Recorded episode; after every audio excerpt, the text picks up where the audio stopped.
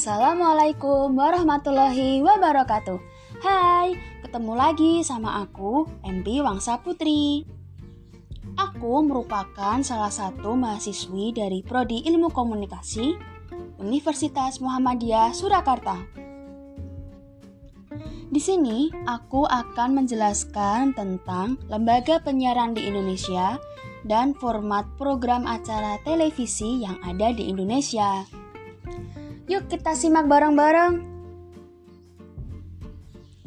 Pengertian lembaga penyiaran. Lembaga penyiaran yaitu penyelenggara penyiaran yang dalam melaksanakan tugas, fungsi, dan tanggung jawabnya berpedoman pada peraturan perundang-undangan yang berlaku. Undang-undang yang dirujuk adalah Undang-Undang Nomor 32 Tahun 2002 tentang penyiaran. Lembaga penyiaran memiliki beberapa jenis. Di antaranya, lembaga penyiaran publik, lembaga penyiaran swasta, lembaga penyiaran komunitas, dan lembaga penyiaran berlangganan. Kita kupas satu-satu ya. Yang pertama, lembaga penyiaran publik.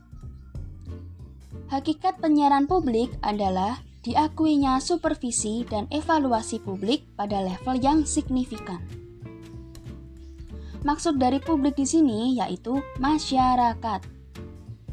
Bagi penyiaran publik, perdanaan didapatkan dari dana publik, iuran, dan iklan secara terbatas. Contoh lembaga penyiaran publik yaitu BBC, NHK, RRI, dan TVRI. Format program acara yang dinaungi lembaga penyiaran publik ditujukan untuk memenuhi kebutuhan publik. Yang kedua, yaitu lembaga penyiaran swasta.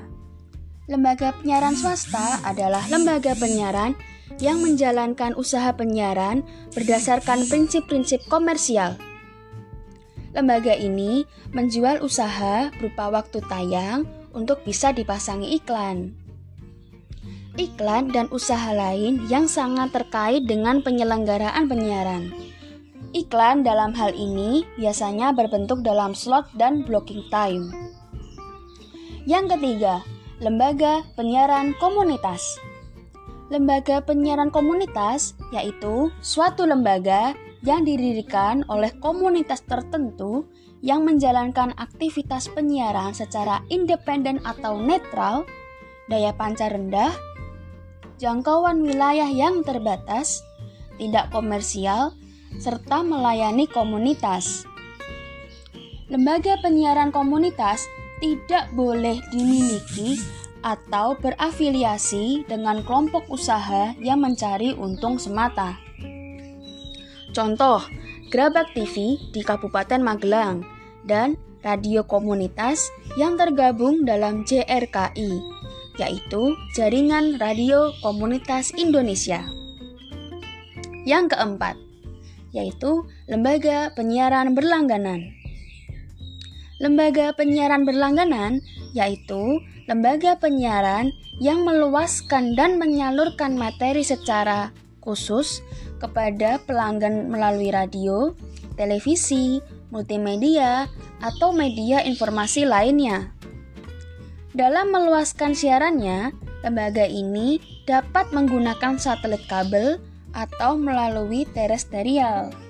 Contoh, MNC Sky Vision, UCTV, dan Mola TV. Nah, itu tadi merupakan penjelasan tentang lembaga penyiaran yang ada di Indonesia. Sekarang, aku akan menjelaskan tentang jenis-jenis format program acara yang ada di televisi, khususnya yang ada di Indonesia ya. Format program acara televisi yang pertama yaitu hard news. Hard news merupakan informasi penting dan menarik yang harus segera disajikan oleh media penyiaran, khususnya televisi, karena sifatnya harus segera ditayangkan agar khalayak dapat tahu dengan cepat. Contoh, prime time news di Metro TV. Kemudian yang kedua yaitu feature news. Feature news merupakan program acara yang menampilkan berita-berita ringan. Contohnya adalah On the Spot di Trans 7. Yang ketiga yaitu infotainment. Infotainment merupakan program acara yang berisi informasi ringan seputar dunia selebritis maupun public figure. Contoh, Hot Isu Pagi di Indosiar. Yang keempat, yaitu reality show. Reality show merupakan program acara televisi yang menampilkan suatu peristiwa berlangsung bersifat apa adanya, natural, dan tanpa skenario. Contoh, Indonesian Idol di RCTI. Yang kelima, yaitu talk show. Talk show merupakan program acara yang menampilkan satu atau beberapa orang untuk membahas suatu topik tertentu dipandu seorang pembawa acara atau host. Pada hal ini, kemampuan host merupakan hal yang sangat penting Narasumber yang diundang adalah orang yang berpengalaman langsung dengan peristiwa atau topik yang sedang diperbincangkan, atau mereka seorang ahli dalam masalah yang tengah dibahas. Contoh, Mata Najwa di Metro TV. Yang keenam, sinetron.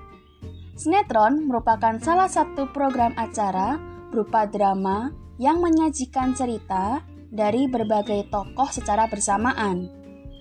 Masing-masing tokoh memiliki alur ceritanya sendiri-sendiri tanpa harus dirangkum menjadi satu kesimpulan. Cerita cenderung dibuat berpanjang-panjang selama masih ada khalayak yang menyukainya. Contoh, Ikatan Cinta di RCTI. Kemudian, yang ketujuh, film. Maksud film di sini adalah film layar lebar yang sudah dipertunjukkan di bioskop, kemudian ditayangkan kembali di layar televisi. Contoh, program acara box office di Trans TV dan Trans 7. Yang kedelapan, game show. Game show merupakan salah satu program acara yang melibatkan sejumlah orang, baik secara individu maupun kelompok yang saling bersaing untuk mendapatkan sesuatu, menjawab pertanyaan, atau memenangkan suatu permainan. Contoh, Sasuke Ninja Warrior Indonesia di GTV. Kemudian yang terakhir yaitu musik. Pasti kalian suka kan dengan program acara satu ini? Yaitu program acara di televisi yang ditentukan dengan kemampuan artis yang menarik halayak tidak saja dari kualitas suara, tetapi juga berdasarkan bagaimana mengemas penampilannya agar menjadi menarik. Contoh, dahsyat musik di RCTI. Oke, jadi itu tadi merupakan penjelasan tentang lembaga penyiaran di Indonesia dan format program acara televisi yang ada di Indonesia. Cukup jelas kan? Oke, sekian dari aku. Sampai ketemu lagi. Dah. Wassalamualaikum warahmatullahi wabarakatuh.